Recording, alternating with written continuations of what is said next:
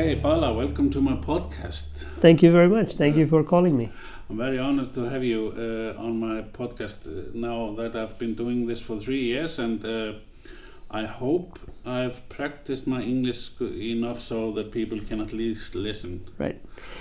Yeah, I I, uh, I do I do most of what I do in Iceland in English, uh, not because I cannot do it in Icelandic.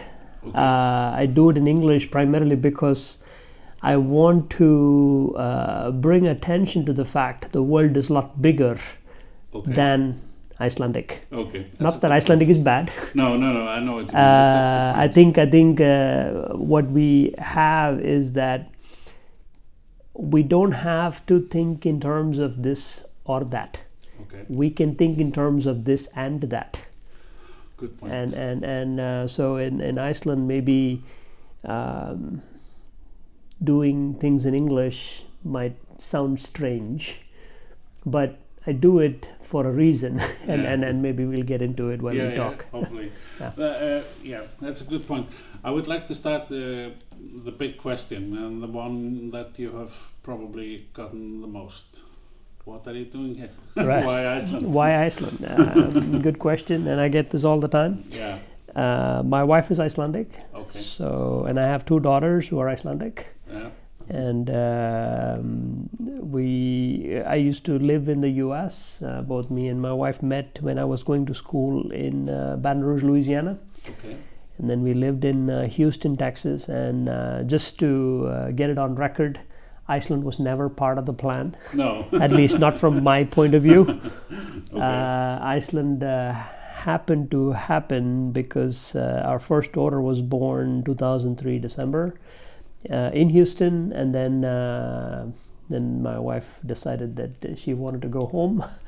And uh, as you know, as, as, as Yeah. things happened, we, we decided that this was the better option. okay. So uh, moved here, and uh, yeah, 2006 uh, January I moved to Iceland, and I started working for Íslandsbanki at that time Yeah. and yeah i mean so yeah it's uh, it's uh, iceland is home Yeah. That's good. Uh, uh, it's good enough for me. good yeah, yeah, hey there's always a reason yeah. Uh, if you could uh, maybe tell me a little bit um, um, more about yourself, your background, uh, you, what, yeah, what drives you, maybe. sure um, so i i uh, i started my career in the us or actually i started my career in india uh, where i'm from originally my, my family is still based out of india uh, i went to a school called the birla institute of technology and science um, it was affiliated with mit And uh, the reason I mentioned that is because uh, since I was 12, I was going to go to the U.S. Okay. You know, so so that was that was the goal. Mhm. And so when I heard about this university and I heard it was affiliated with uh, MIT, I said I'm going to go there. And uh, and then I realized that that school, getting into that school, was very hard. so so I I worked uh, really hard to uh, get into that school.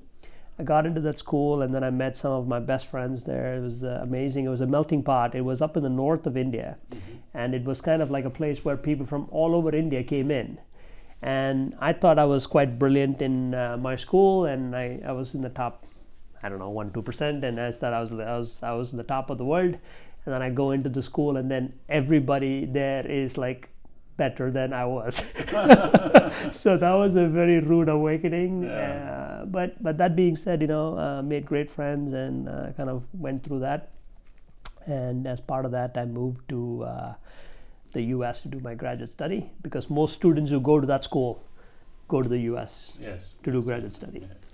And uh, uh, so I was, uh, you know, I always studied computer science. I, I, I was very intrigued with the application of technology. My dad was uh, was a tinkerer. He tinkered with everything. He, he you know he was a he was an engineer. He built things. He broke things, but he was never trained as an engineer. He never went to university or anything like that. He was a self-taught engineer. So I I was you know hooked uh, with that way of thinking from very early on in my life. Uh, my dad used to make these uh, model airplanes. There was a lot of engineering, aerodynamics, you know, communication. A lot of things were involved in that. I never thought of it that way, but it was Yeah. it was pretty cool. And so I studied uh, business and computer science.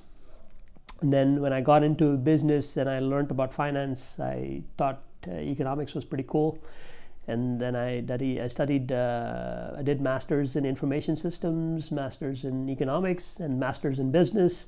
I was doing my PhD in economics, so I was just curious. So I was, as as as, as I was saying, um, I loved being in school because uh, it gave me plenty of time to read books Yeah. and, and, and nobody bothered me and, and I could do whatever I wanted. So it was, it was fantastic in the US.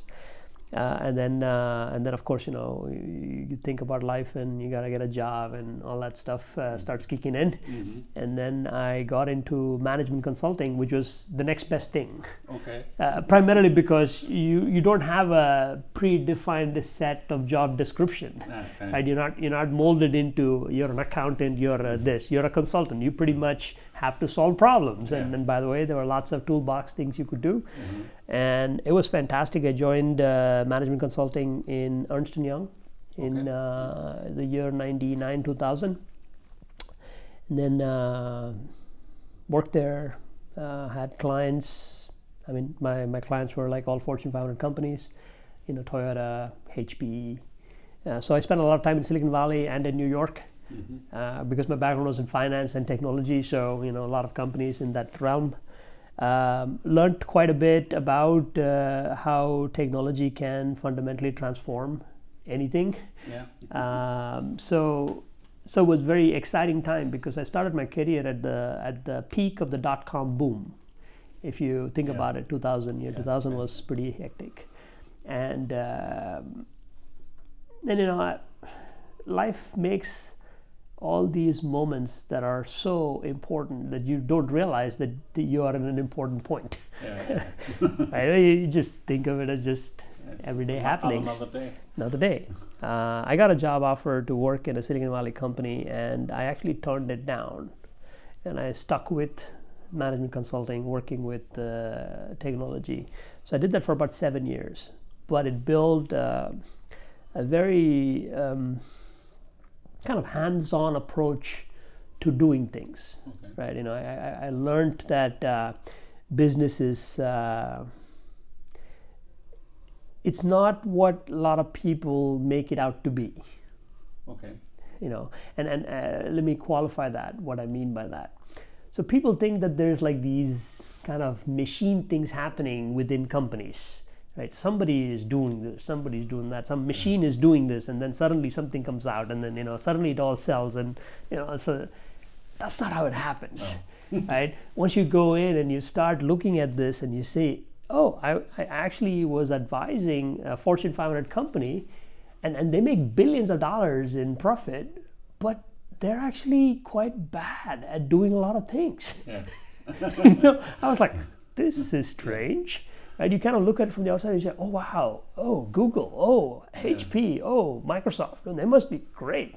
And then you go in and you look at it and you're like, uh, actually, this is all crap, I so know what you mean. Yeah, right? Yeah. And, and I said, so, so when you ask me what drives me, my view is that almost anything can be improved. yes. right? Anything can be improved. Yeah. The question is by how much, whether it's worth it, Yeah. or should you do it? Yeah. Uh, Maybe some things don't need to be improved. You know, uh, I don't know. Yeah. Uh, so, what drives me is that. You know, I, I I look at uh, the world in a very different way, and, and that's probably because of where I come from. Yeah. You know, I, I, I come from India. I grew up in a world that was very different than the world that I went into, than the world that I live in today. Yeah. So I don't see the world with the same colored glasses. I look at the world in a very different colored glass. Sometimes that's an advantage. Sometimes it's a disadvantage because when you when you look at the world always that way, you kind of kind of have a tendency to look at chaos and get excited. you know, it kind of uh, drives uh, at least my wife insane. She's like, "Are you crazy? Why why would you jump into this mess and try to swim through this?" Yeah. but but that that drives me and and and and, and i don't know uh, the last decade, uh, 10 years, I've been spending with uh, startups and Yeah. founders and, and, and all that good stuff. Exactly. Uh, through Startup Iceland, uh, I think um, I've kind of planted some stake in the ground in Iceland that basically has created many, you know, Yeah. uh, shoots from, which is actually exciting and amazing to see. And um, so the last 10 years has been fantastic because it's not just being comfortable, it's being painful. And uh, for, for those who who are like me, who are like masochists, who like pain, Yeah. I'm like, oh yeah, gi- give me more. Yeah. Let's let me do more, right? J- Let me jump in and do more. Uh, so so that's been what the big driver for me. And of course, I, I, I just like as I mentioned, as you were mentioning, I'm just curious about people. So I meet anybody and everybody, and, and I and I try to learn. I have this this view that you know what we know is so little, what we don't know is so much. Yeah. So we should we should not uh, take what we know to our heads.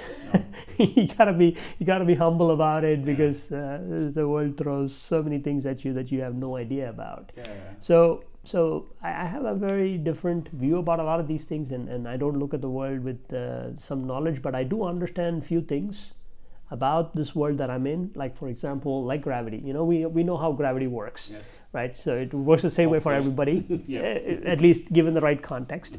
I don't know when it, what it'll be when we go to space. Of course, we know what it'll be, but we don't know until we experience it. Um, uh, the venture world, startup world is very different, right? You know, it's, it's very counterintuitive. Yeah.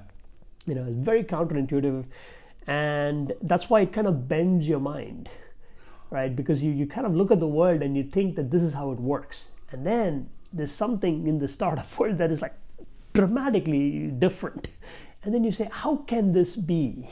How can this be the truth? And then you realize that that is the truth, Okay. and, and, and and so. So it's been it's been uh, it's been fun. It's been Yeah, fun to I'm- do.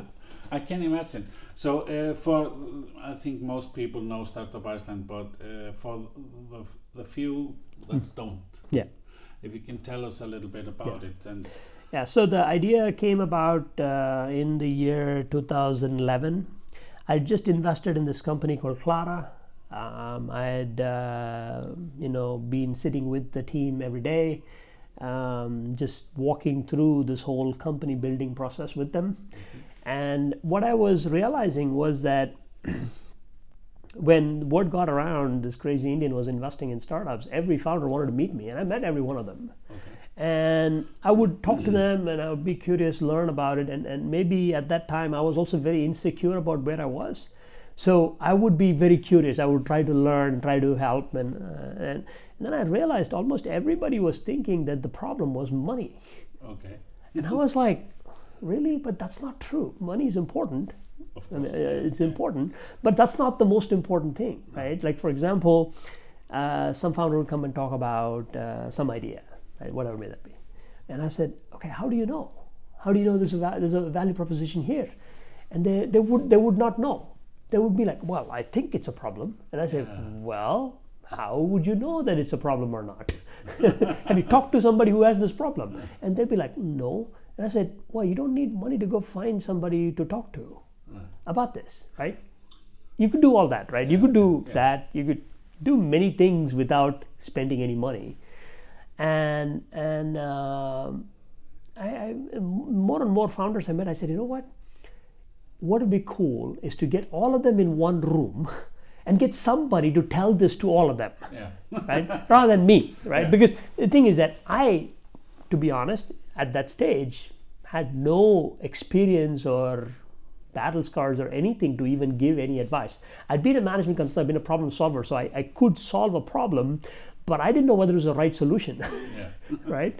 I mean, you know, business is not complex. Business is pretty simple, right? You you come up with a value proposition. You make sure there are people who have that problem, and basically make sure that they get to see it, and hopefully the value proposition and the price they pay is disproportionate, so you can make some in between. That's mm-hmm. about it. Yeah. Nothing more to it, Yeah. right? But if you look at how the world works, people complicate this to be all kinds of things.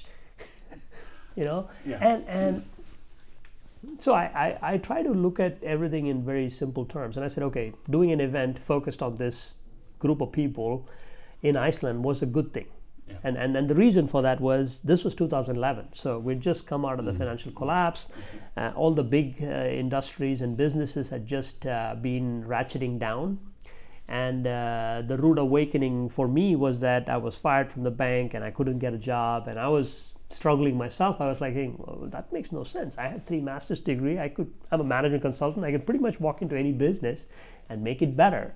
And I knew a lot of people. I would go and try to, you know, uh, pitch them that they should hire me, and nobody would hire me. I was like, wow, that's kind of strange. That was kind of a slap on the face.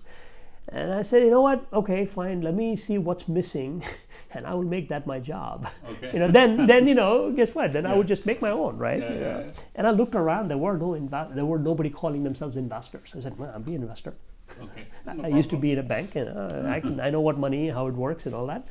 Uh, I'd be an investor, and the only problem was I didn't have any money. Yeah. So so um, so I was able to you know get my family to uh, help me with uh, with some money. I invested in Clara, and then uh, while we were going through this exercise.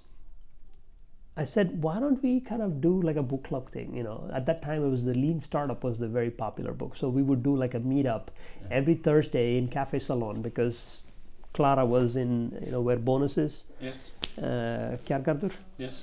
and and we were there and and we would do a five o'clock evening thursday book club called lean startup you know we would read one chapter and we'd discuss the book and because the book was capturing all the things that i was saying Yeah.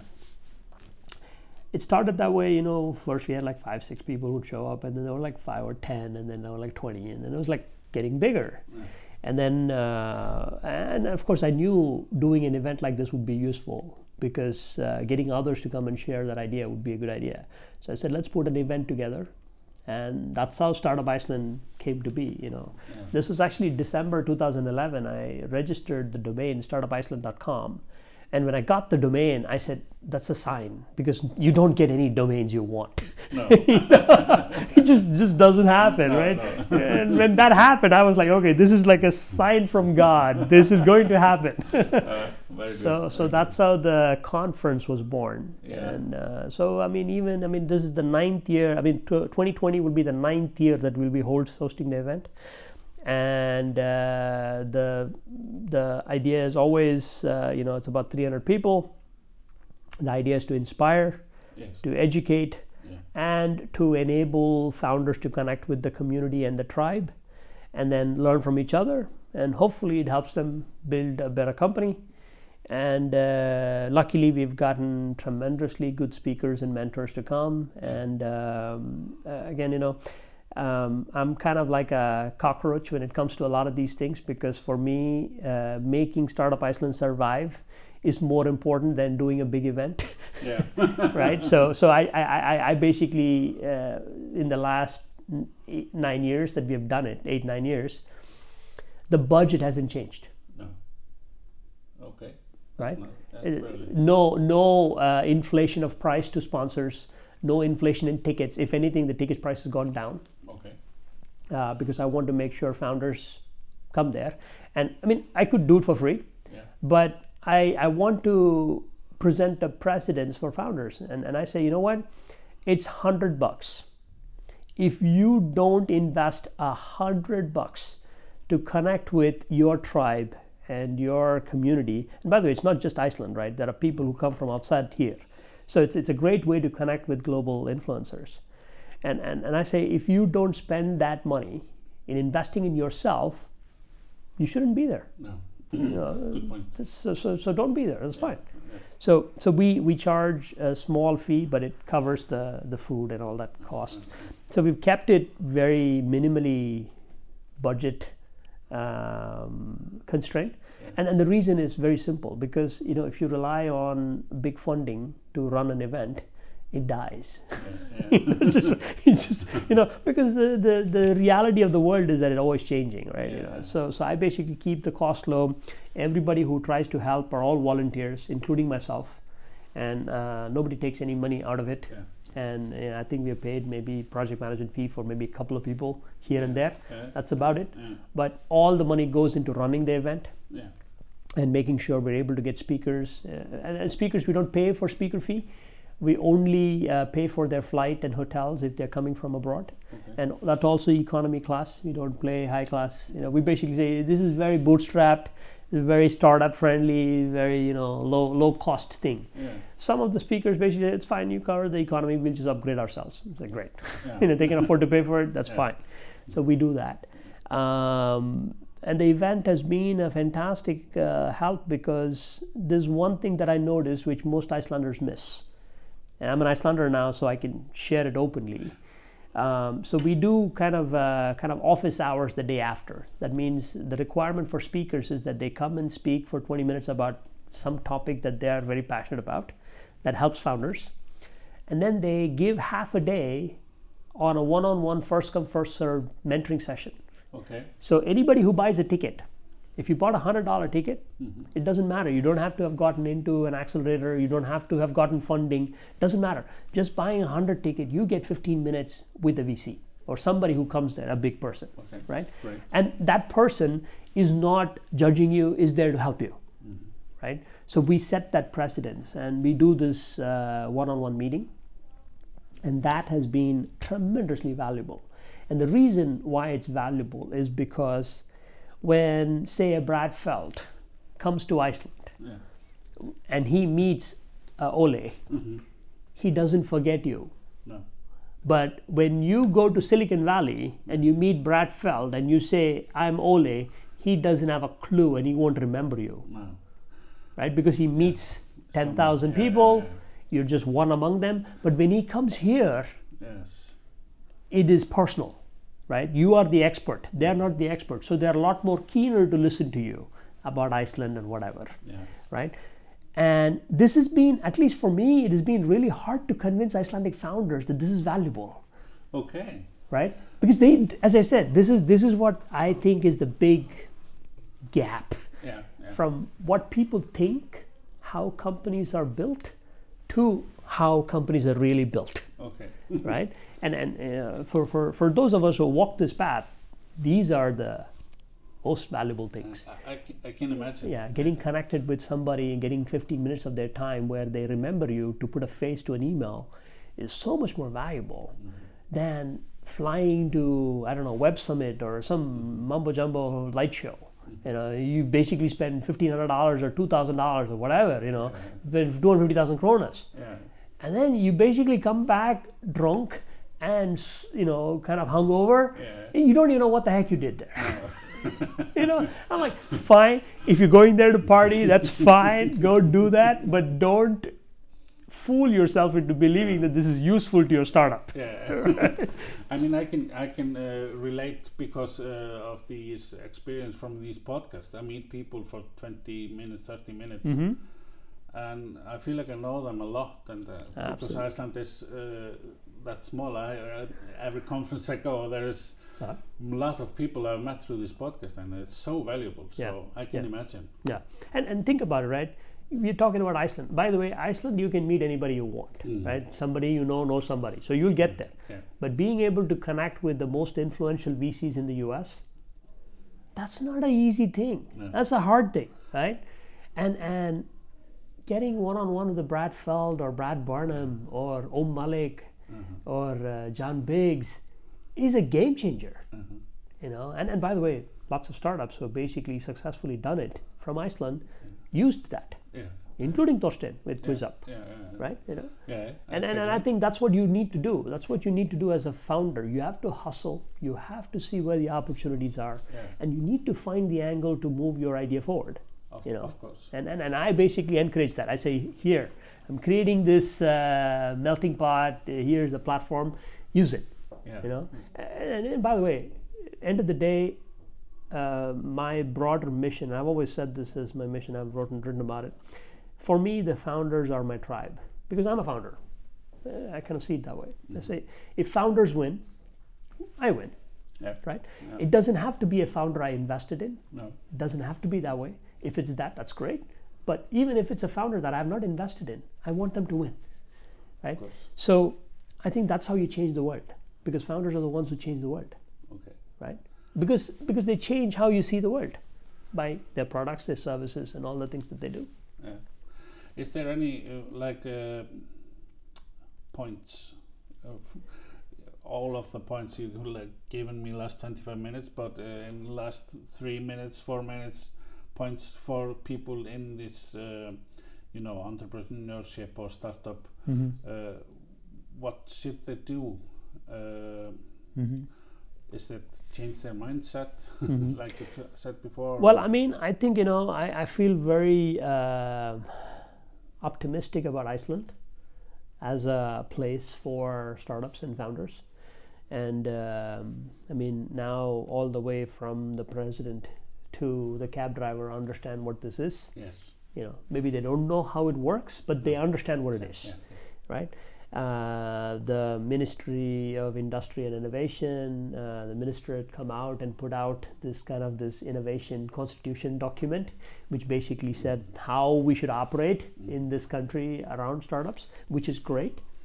Um, uh, but you know, last but not least, I do believe that uh, as a community, we should invest, yes right? And, we should invest. We should put our money where our mouth is Mhm. right? And when I say invest, I'm not talking, and, and you know, Iceland is a very concrete investing place. You know, people love to invest in concrete. They want to buy apartments, they want to buy houses, they want to buy this, they want to buy. Nothing wrong in that. It's fine.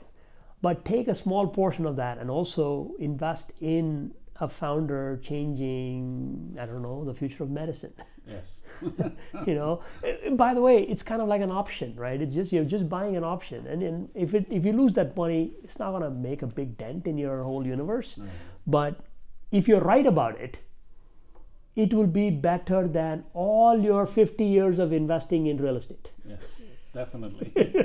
Both money wise and maybe yeah. Impact wise yeah Yeah. and uh, so this is uh, as a community right? But as a founder so what should you do as a founder? Uh, i strongly feel that founders should chase big problems right? Because building a company is hard enough. It's it- you know building a restaurant is hard yes. right? Building a corner drugstore is hard, right? If you can do that, why don't you do something that is big enough, right? That actually has a global impact, that actually solves a global problem, and there are millions of people who would potentially buy it. And the only way you can scale something like that is through technology yeah in my opinion, right? I mean, the only way you can do that is through technology. And I might come across as a technophil, somebody who loves technology, and I say, I don't love technology for technology's sake. I just love technology for what it can do, yeah right? Because really, if you think about it, here we have invested in one company called Retina Risk. They calculate the risk of blindness if you're diabetic. This mm-hmm. algorithm came out of University of Iceland and Landspitali. Okay, these are a bunch of doctors who came up with this algorithm, mm-hmm. and they said if you apply this algorithm using data that you any diabetic would have, which is blood pressure, your blood glucose level, mm-hmm. your gender, how long you've had diabetes, and do you have eye disease or not, they can 85% accurately predict if you're going to get blindness in the next year. Okay? Mm-hmm. That's great for Iceland. yes That's great for Iceland, right? It's embedded in the system. Everybody who is living in Iceland can take advantage of that. How would a farmer living in a rural India take advantage of it? How can they? Technology. technology yeah We built this app. It's available in Google Android Play mm-hmm. Store. Mm-hmm. So a farmer in India could download this app and actually take advantage of a Western healthcare system yeah in a place where there is no healthcare. yeah Nothing wrong with India. By the way, I'm from India, and, and India has all the problems and all the opportunities. Everything that under the sun that you can talk about is there, right? But still, this solution from a small country like Iceland can save somebody from going blind. yeah It- That's- it- so, so that is what technology can do yeah right? So that's why I, I love talking about technology. I love applying technology. I, I love applying technology where people say technology should not be applied. You know, I say, why not? If something can do something, I don't know, 100 times faster, Yeah. it's 100 times more accurate than what a human can do it. Why would we be stupid enough not to do it? Yeah. Why? Because we feel threatened? Really? I mean, come on. you know, Yeah, it just it just makes no sense to me. So no. so I, I think for a founder, that's what I would embrace. I would say, go and do the research. Yes. By the way, all the information is available. Yes. Like you can find out what technology you should go after and use to solve this big problem.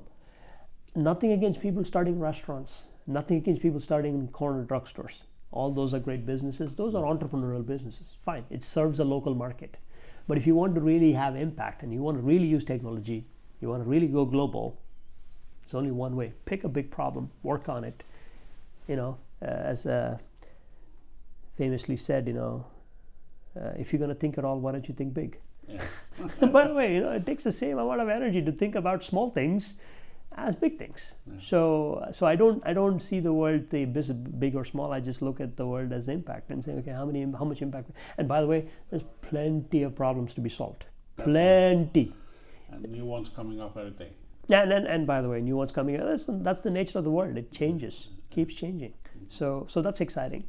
And I'm, I'm, I'm happy about being in Iceland primarily because what we have done in the last decade has actually put Iceland on the map. Founders from all over the world want to come and build from here, which is exciting, which is great. And I run this thing called Iceland Venture Studio, which is basically a, a studio helping founders to build companies. We have a thematic studio. We, we invest in certain things, and you know we get in founders reaching out from Israel, from India, from you know Vietnam, from Hong Kong, all over the place, wanting to come and work with us here in Iceland. Ah, You know, Brilliant. which is amazing, which Yeah. is great. I think that's good. Yeah. So so so anyway. Um, I don't know. Uh, I would say uh, come back to uh, Steve Jobs' statement: if you're a founder, always stay hungry and always stay foolish. End of the day, you, you know, nobody defines what that is. it's different for different people. Yeah. So for yourself, you know, if you are within your comfort zone, then you're not doing enough. You should push yourself to outside of that and see where you can go with it. And sometimes that's the right thing to do. Yeah.